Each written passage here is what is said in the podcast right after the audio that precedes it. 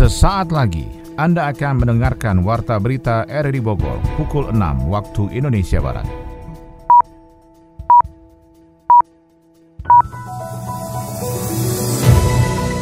Selamat pagi, saya Molanes Narto kembali menyapa Anda dalam Warta Berita RRI Bogor pagi ini, edisi Selasa 23 Februari 2021. Siaran ini bisa Anda dengarkan juga melalui audio streaming di aplikasi RRI Play dalam smartphone Anda dan juga disiarkan oleh Radio Tegar Beriman Kabupaten Bogor, Jawa Barat. Dua berita utama kami hari ini. Pemerintah resmi membentuk tim kajian Undang-Undang Informasi dan Transaksi Elektronik ITE. Polisi memburu pelaku lain dalam pembuangan limbah medis di Bogor Selatan. Menyampaikan bahwa itu diperintah. Tapi nanti kita lihat lagi apakah ada bukti lain keterlibatan dari klinik tersebut. Inilah Warta Berita RRI Bogor selengkapnya.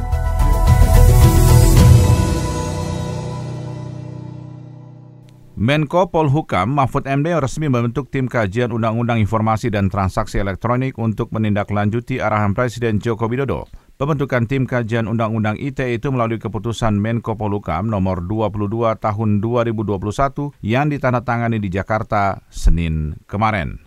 Tim tersebut diberi waktu kerja 3 bulan hingga 22 Mei 2021 untuk menentukan perlu atau tidaknya revisi Undang-Undang ITE. Menko Polukam pada press conference virtual di kantor Kemenko Polukam Jakarta mengatakan tim melibatkan tiga kementerian dan lembaga pendukung. Tiga kementerian itu terdiri dari Kemenko Polhukam, Kemenkominfo, dan Kementerian Hukum dan HAM. Tiga kementerian itu akan fokus mengaji pasal-pasal yang dinilai sebagai pasal karet. Susunan tim kajian Undang-Undang ITE terdiri dari pengarah dan tim pelaksana, Pengarah tim kajian Undang-Undang ITE terdiri dari Menko Polhuka Mahfud MD, Menkumham Yasona Lauli dan Menkominfo Joni Plate, Jaksa Agung ST Burhanuddin dan Kapolri Jenderal Listio Sigit. Sementara tim pelaksana Undang-Undang ITE dipimpin Deputi Bidang Koordinasi Hukum dan HAM Kemenko Polhukam Sugeng Purnomo.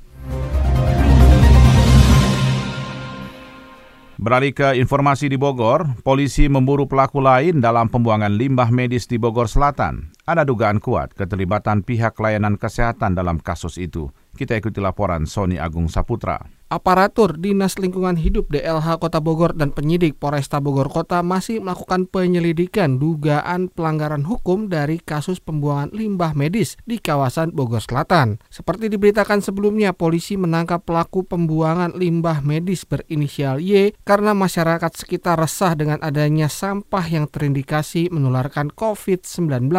Kepala Dinas Lingkungan Hidup Kota Bogor, Denny Wismanto, mengungkapkan saat ini terus melakukan penelusuran jejak pelaku yang ternyata membuang limbah medis dari sebuah klinik di kawasan Depok. Dari penelusuran ada kuat dugaan keterlibatan pihak layanan kesehatan Yankes yang terlibat dalam kasus itu. Menurutnya jika terbukti pembuangan limbah medis itu berasal dari layanan kesehatan atau klinik, maka bisa mengambil langkah penutupan tempat usaha sampai tindak pidana atas dugaan pelanggaran Undang-Undang Nomor 32 Tahun 2009 tentang pengelolaan lingkungan hidup. Sebetulnya sesuai dengan Undang-Undang Lingkungan Hidup, Undang-Undang Nomor 32 Tahun 2009, mereka bisa kena sanksi, yaitu Undang-Undang 32 tentang perlindungan dan pengelolaan lingkungan hidup, maka bisa kena sanksi. Sanksinya juga luar biasa. Pada pasal 102 sanksinya, kalau dia melakukan pengolahan limbah B3 tanpa izin atau melakukan pembuangan sembarangan saja, itu bisa pidana. Kapolresta Bogor Kota Kombes Pol Susatyo Purnomo Condro mengungkapkan masih mengembangkan kasus pembuangan limbah medis karena tidak menutup kemungkinan adanya penambahan tersangka. Tentunya ini masih keterangan dari tersangka menyampaikan bahwa itu diperintah. Tapi nanti kita lihat lagi apakah ada bukti lain keterlibatan dari klinik tersebut. Penyidik juga menyiapkan pemeriksaan terhadap pengelola klinik karena adanya pengakuan tersangka mendapat perintah membuang sampah limbah medis bukan pada tempat peruntukannya.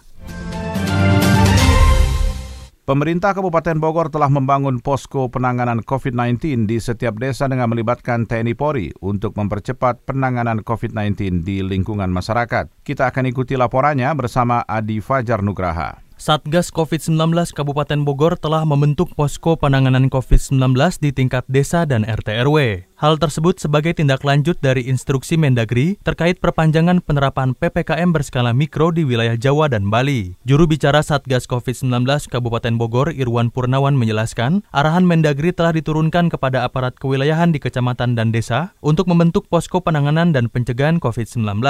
Di lingkup kewilayahan, Satgas juga melibatkan TNI Polri melalui Babinsa dan Babin Kamtipmas untuk mempercepat penanganan di lingkungan RT RW dengan harapan angka kasus COVID-19 dapat ditekan secepat mungkin. Sebagai tindak lanjut dari instruksi Mendagri tentang pengelolaan PPKM Mikro, ya Satgas Kabupaten ini telah memerintahkan kepada seluruh camat, kades dan lurah ya untuk membentuk posko di level desa dan RT RW dengan melibatkan TNI Polri di wilayah seperti Babinsa, Babin Kamtimas di setiap desa. Dan semua unsur masyarakat harus ada keterlibatan di dalam pembentukan posko. Posko ini di antaranya juga diberikan tugas melakukan tracking data dan pencocokan data untuk penetapan level kewaspadaan di tingkat RT RW. Sudah hampir banyak ya kecamatan dengan desanya sudah membentuk posko desa. Masih tingginya angka kasus COVID-19 membuat Pemkap Bogor terus melakukan sejumlah strategi yang diselaraskan dengan kebijakan kebijakan Satgas COVID-19 tingkat pusat. Masyarakat pun harus terlibat dan bekerja sama dengan pemerintah dalam upaya memerangi wabah virus corona dan memulihkan kondisi perekonomian.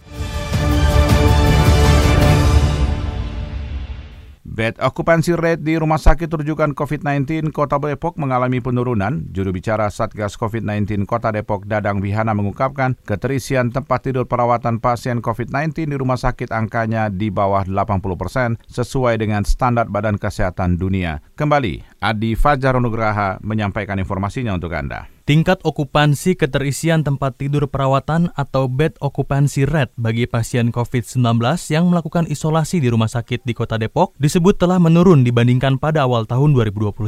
Hal tersebut diungkapkan juru bicara Satgas COVID-19 Kota Depok, Dadang Wihana. Menurutnya, saat ini keterisian tempat tidur perawatan pasien COVID-19 di rumah sakit angkanya sudah di bawah 80 persen sesuai dengan standar Badan Kesehatan Dunia. Hal ini dikarenakan Kota Depok mendapatkan tambahan tempat tidur bagi pasien COVID-19 pada rumah sakit rujukan. Selain itu, Dadang menambahkan penurunan bor juga terjadi pada ruang ICU di rumah sakit, sehingga Pemkot dapat terus memaksimalkan penanganan dan memutus mata rantai penularan COVID-19. Kondisi bed occupancy rate di rumah sakit di Kota Depok, Alhamdulillah sudah ada perbaikan jika dibandingkan ketika pada tanggal 1 Januari 2021. Contoh untuk bor TT isolasi COVID, awalnya dulu kita 86,73 persen, saat ini bor untuk tempat tidur isolasi 73,90 persen. Karena kita ada penambahan lebih kurang 53 tempat tidur untuk tempat tidur isolasi. Adapun untuk tempat tidur ICU, kita juga ada perbaikan ketika awal Januari 88,14 persen, saat ini menjadi 84 persen karena ada penambahan lebih kurang 41 tempat tidur ICU. Tentunya ini akan terus kita perbaiki untuk penambahan kapasitas. Guna menekan bed occupancy rate pada rumah sakit rujukan, Pemkot Depok juga terus memaksimalkan penanganan pasien COVID COVID-19 yang berstatus OTG. Dadang mengatakan, beberapa tempat tengah dioptimalkan sebagai tempat isolasi khusus bagi pasien OTG agar tidak menambah bed occupation rate di rumah sakit rujukan. Nah saat ini pun kami mengoptimalkan untuk tempat isolasi khusus bagi OTG yang saat ini di Wisma Makara dan PSG dan alhamdulillah efektif dan bisa merawat mereka yang OTG di kedua tempat tersebut. Saat ini sedang dijajaki ada satu atau dua tempat yang saat ini sedang dibicarakan dengan para pihak pihak termasuk juga dengan Kemenkes dan juga dengan BNPB. Penyebaran COVID-19 di Kota Depok belum dapat dikatakan dalam situasi yang aman. Untuk itu Pemkot Depok terus memaksimalkan upaya pencegahan dan penanganan secara menyeluruh, terlebih di lingkungan terkecil masyarakat untuk menekan angka kasus COVID-19. Heran deh ah. Heran kenapa? Tuh, banyak banget yang bangga posting-posting barang mewah dari luar. Iya sih ya. Ngapain juga pada bangga?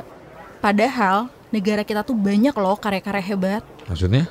Ya saudara-saudara kita tuh banyak yang punya talenta hebat. Iya juga sih ya. Sebenarnya kan produk kita itu nggak kalah hebat sama produk luar kan? Nah itu betul. Tapi masa pandemi ini tuh kita prihatin banget loh. Makanya kita harusnya bantu mereka nih. Dengan cara apa? Ya bisa belanja di usaha mikro, belanja di usaha ultra mikro. Pokoknya beli-beli karya produk Indonesia lah. Nah, bener tuh. Kalau bukan kita yang peduli, siapa lagi? Tapi jangan cuma ngomong doang, beneran beli. iya, iya. Bangga menggunakan produk negeri sendiri, bentuk perjuangan di saat pandemi.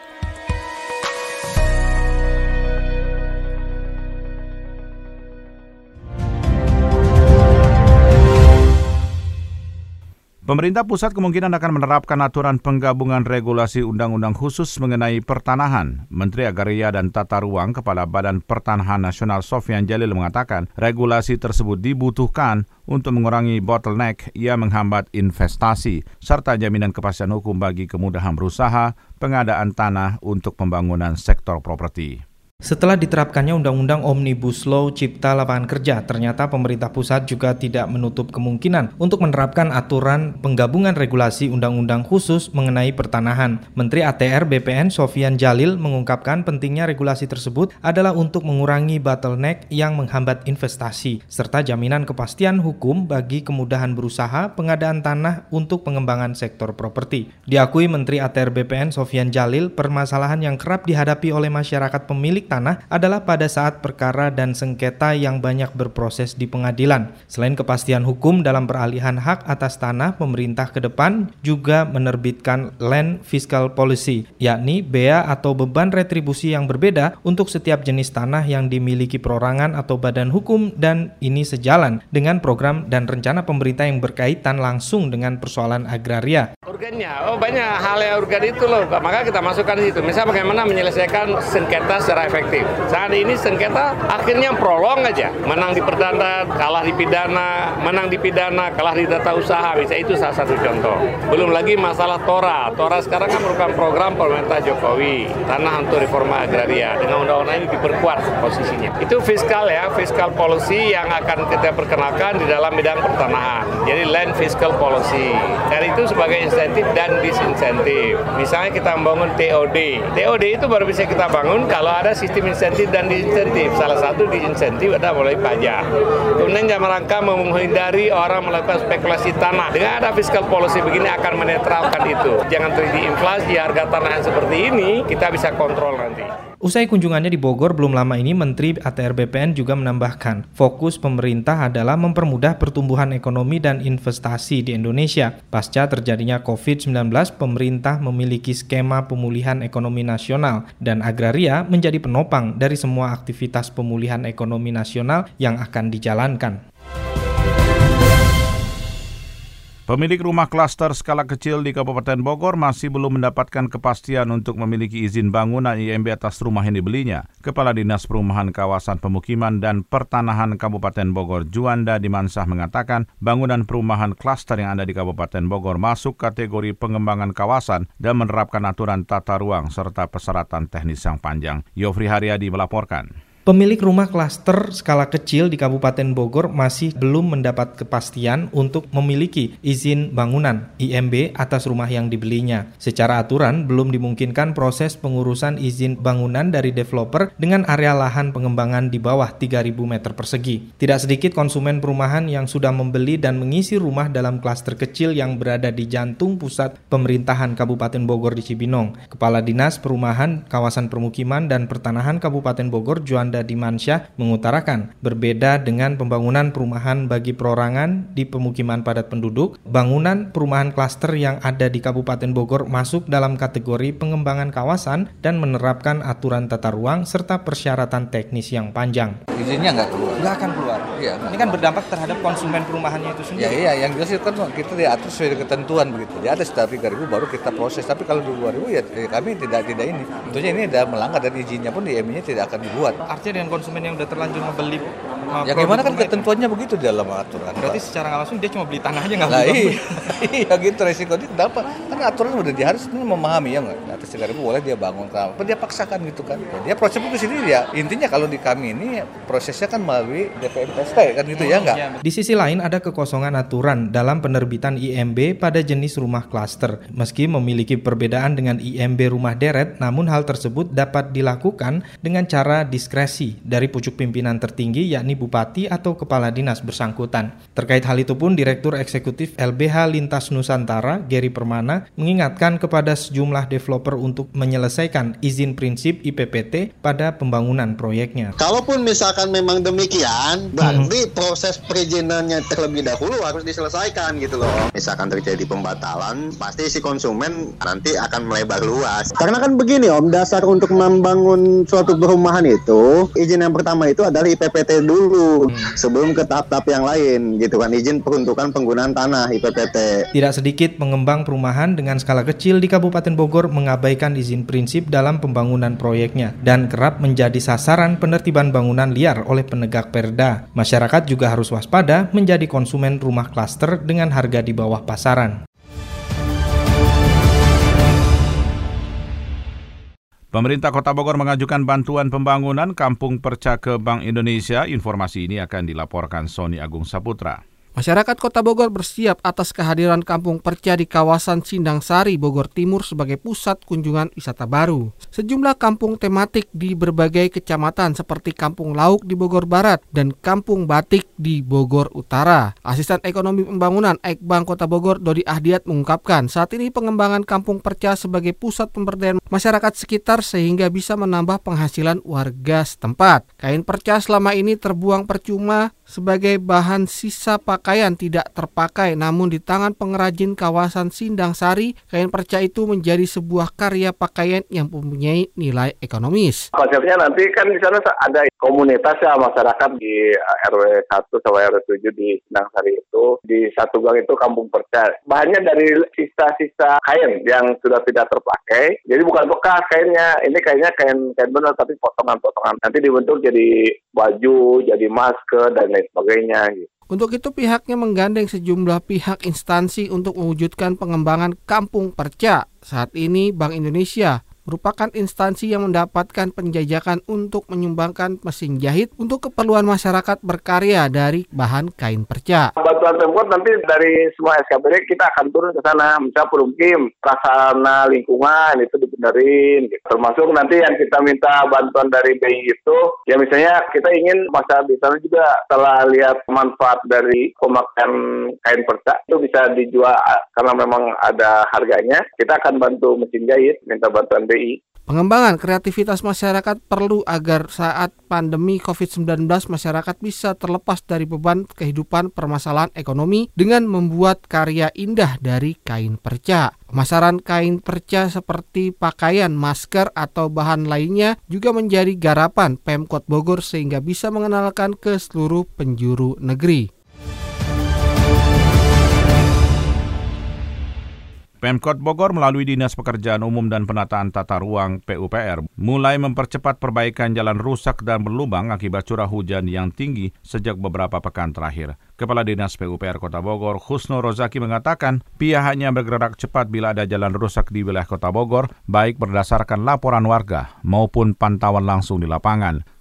Berdasarkan data Dinas PUPR Kota Bogor ada 34 titik jalan berlubang di Kota Bogor. Bahkan warganet atau netizen sering melaporkan jalan rusak melalui sosial media. Menurut Husnul, dari 34 jalan yang berlubang, 6 jalan diperbaiki dan 5 jalan masih dalam proses perbaikan dan diakui curah hujan yang tinggi membuat jalan semakin berlubang, namun pihaknya terus berupaya memperbaiki jalan. Bagi warga yang ingin melaporkan jalan rusak bisa mengadukan melalui aplikasi Sibadra. Bisa juga mention dan DM Instagram at pemeliharaan jalan kota Bogor.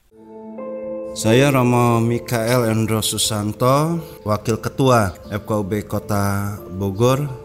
Mari bersama RRI Radio tanggap bencana COVID-19. Pada kesempatan ini saya mengajak masyarakat Bogor untuk cuci tangan, menggunakan sanitizer, Lalu kita juga menggunakan masker di mana pun kita berada, jaga jarak 2 meter ketika bertemu dengan seorang, taati instruksi pemerintah, hindari perkumpulan-perkumpulan. Dan mari dalam masa isolasi diri kita masing-masing, kita juga diajak untuk berdoa di rumah yaitu bagi dokter, tim medis, relawan yang mereka berada di garis terdepan dalam memerangi COVID-19 ini. Berdoa juga bagi yang sakit supaya mereka cepat sembuh. Berdoa bagi yang meninggal karena COVID-19 ini agar supaya amal ibadahnya diterima oleh Tuhan dan kita berdoa bagi anggota keluarga yang tinggalkan agar diberikan kekuatan dan sayangilah keluarga, sayangilah bangsa ini. Sekian dan terima kasih. Anda masih mendengarkan Warta Berita RRI Bogor. Kita beralih ke berita ekonomi yang akan disampaikan Ermelinda. Saudara Direktorat Jenderal Pengelolaan Pembiayaan dan Resiko Kementerian Keuangan menetapkan hasil penjualan obligasi negara retail seri ORI 19 sebesar 26 triliun rupiah yang akan digunakan untuk memenuhi sebagian kebutuhan pembiayaan APBN termasuk program pemulihan ekonomi nasional atau PEN. Kepala Seksi Pendalaman Pasar dan Perluasan Basis Investor Surat Utang Negara Kemenke Antonius Dian dalam diskusi daring di Jakarta pada hari Senin kemarin mengatakan hasil penjualan ini rekor tertinggi sampai dengan saat ini untuk online dan juga tradable yang ori dan suku retail. Menurutnya hasil penjualan ori 19 sebesar 26 triliun rupiah sangat memuaskan karena biasanya diterbitkan pada semester kedua. Namun pada tahun ini diterbitkan pada awal tahun yang dilatar belakangi oleh berbagai pertimbangan. Disampaikan pertimbangan penerbitan ORI 19 pada awal tahun dilandasi oleh adanya kebutuhan pembiayaan APBN untuk bisa mengatasi pandemi yang masih berlangsung, serta kondisi masyarakat yang pada akhir tahun lalu masih menahan belanja. Bank Indonesia Kantor Wilayah Jawa Barat mendorong pesantren sebagai sentra ekonomi baru di tengah kondisi ekonomi yang belum stabil akibat pandemi COVID-19. Menggerakkan ekonomi pesantren diharapkan bisa memberikan multiplier efek bagi lingkungan sekitarnya. Kepala Perwakilan Bank Indonesia Jawa Barat Herawanto mengatakan, pesantren diharapkan mampu mendorong peningkatan kemandirian ekonomi sehingga bisa lebih berkontribusi terhadap pertumbuhan ekonomi di lingkungan sekitarnya. Pondok pesantren diharapkan mampu berperan dalam menciptakan kemandirian pangan, menghadapi kemungkinan krisis pangan sebagaimana peringatan di awal 2020 lalu. Herawanto menambahkan, pengembangan kemandirian ekonomi pondok pesantren merupakan bagian dari konsep ekonomi dan keuangan yang berlandaskan pada nilai dan prinsip syariah. Ekonomi pesantren melibatkan seluruh lapisan masyarakat tanpa sekat-sekat sara yang pada akhirnya diharapkan bisa berkontribusi dalam mendorong pertumbuhan ekonomi nasional. Dalam era pemanfaatan teknologi digital seperti saat ini, proses pengembangan ekonomi pesantren dilakukan secara end-to-end dengan bercirikan pemanfaatan digital baik dalam aktivitas usaha termasuk dalam transaksi pembayaran. Sementara itu, Bank Indonesia juga memperkirakan inflasi sepanjang Februari 2021 masih berada di posisi relatif rendah, yakni 0,07 persen secara bulanan. Proyeksi tersebut lebih rendah dari realisasi periode yang sama tahun lalu yaitu 0,28 persen. Dilansir dari CNN, Kepala Departemen Komunikasi Bank Indonesia Erwin Haryono mengatakan proyeksi tersebut didasarkan pada survei pemantauan harga yang dilakukan oleh Bank Sentral pada pekan ketiga bulan ini. Dengan perkembangan tersebut, perkiraan inflasi Februari 2021 secara tahun kalender sebesar 0,33 persen dan secara tahunan sebesar 1,34 persen. Erwin menjelaskan komoditas penyumbang utama inflasi di bulan ini antara lain cabai merah sebesar 0,03 persen, kangkung sebesar 0,02 persen, cabai rawit, bayam, bawang merah, daging sapi, besi beton, dan rokok kretek filter masing-masing sebesar 0,01 persen. Sementara itu, komoditas yang menyumbang deflasi pada periode laporan berasal dari komoditas telur ayam ras sebesar minus 0,03 persen, daging ayam ras dan emas perhiasan masing-masing sebesar minus 0,02 persen, tomat dan air kemasan masing-masing sebesar minus 0,01 persen. Bank Indonesia akan terus memperkuat koordinasi dengan pemerintah dan otoritas terkait untuk memonitor secara cermat dinamika penyebaran COVID-19 dan dampaknya terhadap perekonomian Indonesia dari waktu ke waktu. Selanjutnya kita ikuti informasi dari dunia olahraga mengenai perubahan susunan peringkat sementara kompetisi teratas Liga Italia Serie A. Selengkapnya info olahraga ini bersama Kriswanto.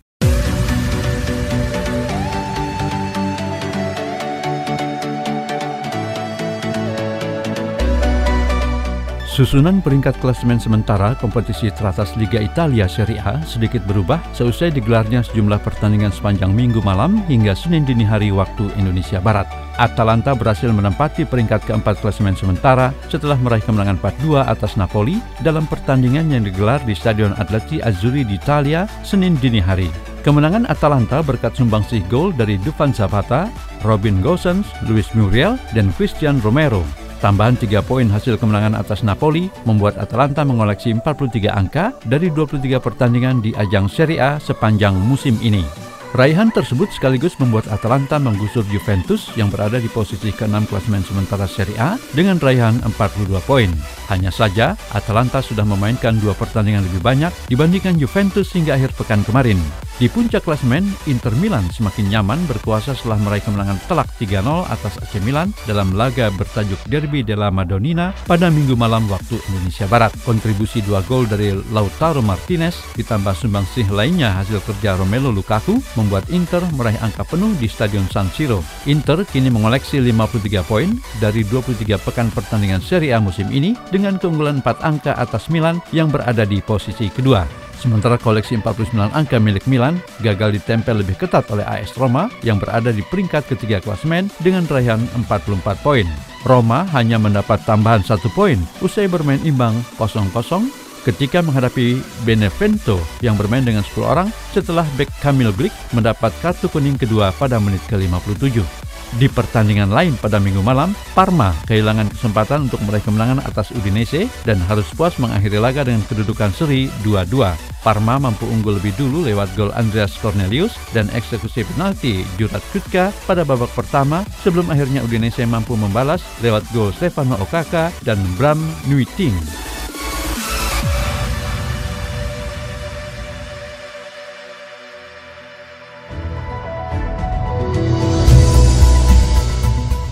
Demikian rangkaian informasi yang dapat kami sampaikan pagi ini. Berikut kami kembali sampaikan berita utama.